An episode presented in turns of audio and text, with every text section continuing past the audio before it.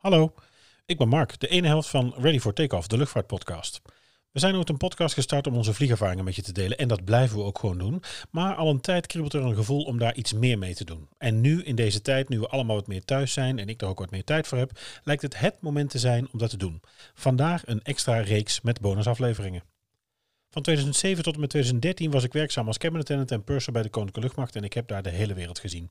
Ik heb daar destijds een dagboek en een weblog van bijgehouden. Dat is nu nergens meer te vinden, maar ik kan dat natuurlijk nog wel met je delen. Laten we zeggen in deze bijzondere transfer van Ready for Takeoff.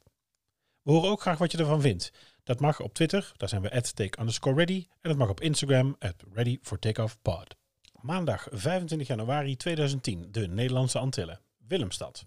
Wanneer ik dit typ ben ik alweer twee dagen terug uit Willemstad Curaçao. Ik heb nog last van mijn gebruinde rode huid. 19 en 20 januari ben ik al naar Sarajevo geweest met de Gulfstream. Niet veel te vertellen daarover, maar over de laatste reis wel. Afgelopen vrijdag zijn we dus om 10 uur ochtends vertrokken met een lege KDC-10 naar de Nederlandse Antillen om daar het Urban Search and Rescue Team op te halen dat onder de puinhopen van Haiti heeft gezocht naar overlevenden.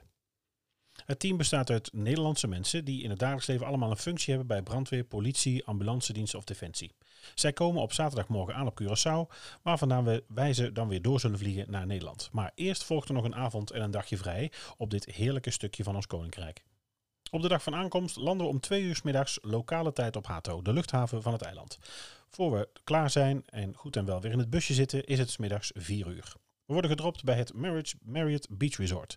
We checken in en bekijken de kamer. Ik heb een heerlijke tweepersoonskamer met niet alleen zeezicht, maar ik loop ook zo uit mijn balkondeuren het strand op.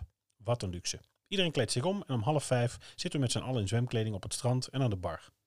De bar heeft een tweepersoons schommels hangen als zitplaats. We bestellen een cocktail, luieren op een strandstoel en zwemmen in zee. Het is dan nog heerlijk een graad of 7, 28. Top. Wanneer we de zon in zee hebben zien zakken, gaan we naar de kamer voor de shit shave shower sessie. We hebben met de cabine afgesproken om rond 8 uur in de lobby klaar te staan om vervolgens wat te gaan eten. Zoals gebruikelijk ben ik weer als eerste beneden en bestel alvast de taxi.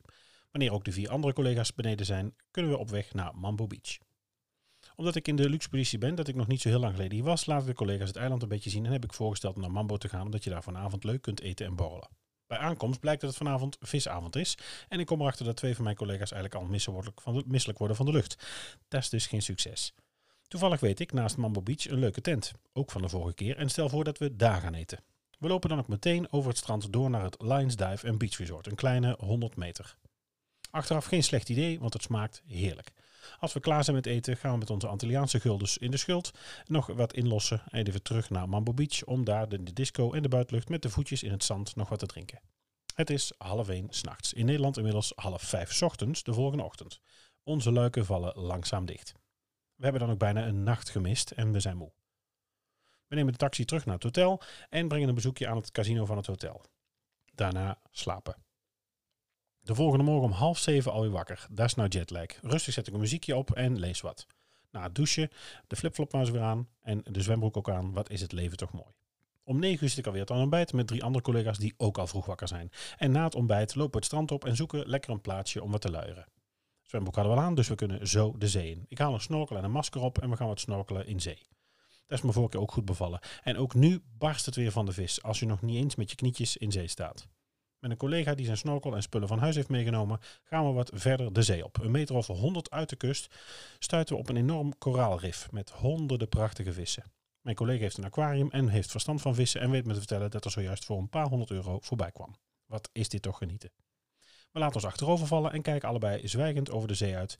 En vanuit ons heerlijk hotel en bedenken we wat een mazzel en fantastische baan we eigenlijk hebben. Ik neem een hap zeewater en ik stik bijna. Naar de kant om wat te drinken uitpuffen, drogen op een strandbedje en dan weer terug. We houden het heerlijk vol tot een uur of twee smiddags en gaan dan wat eten op het terras bij het zwembad. Heerlijk even genieten met een Caesar salad met gambas. Baba, het is toch wat. Over het terras kruipen de leguanen en de hagedissen gewoon aan je stoel voorbij. Nadat we ons bordje leeg hebben gegeten en we allemaal onze eigen weg naar de kamer hebben gevonden, rusten we wat, frissen we wat op voor de vlucht van vanavond. We moeten om half negen weer klaarstaan om door de nacht naar Nederland te vliegen. Na een paar uurtjes slapen ben ik om 8 uur alweer beneden. En ik check maar eventjes de laatste foto's op mijn telefoon en hang wat in het bankje. Dat uitkijkt over zee en het zwembad. Met twee busjes worden we vervoerd naar de luchthaven waar de kist alweer staat te wachten. En de passagiers trouwens ook. We ruimen de catering in, maken ons klaar voor de lange nacht naar Nederland en niemand wil eigenlijk naar huis. Maar ja, het moet. Ik zou hier best kunnen wennen. Dag Curaçao, tot de volgende keer.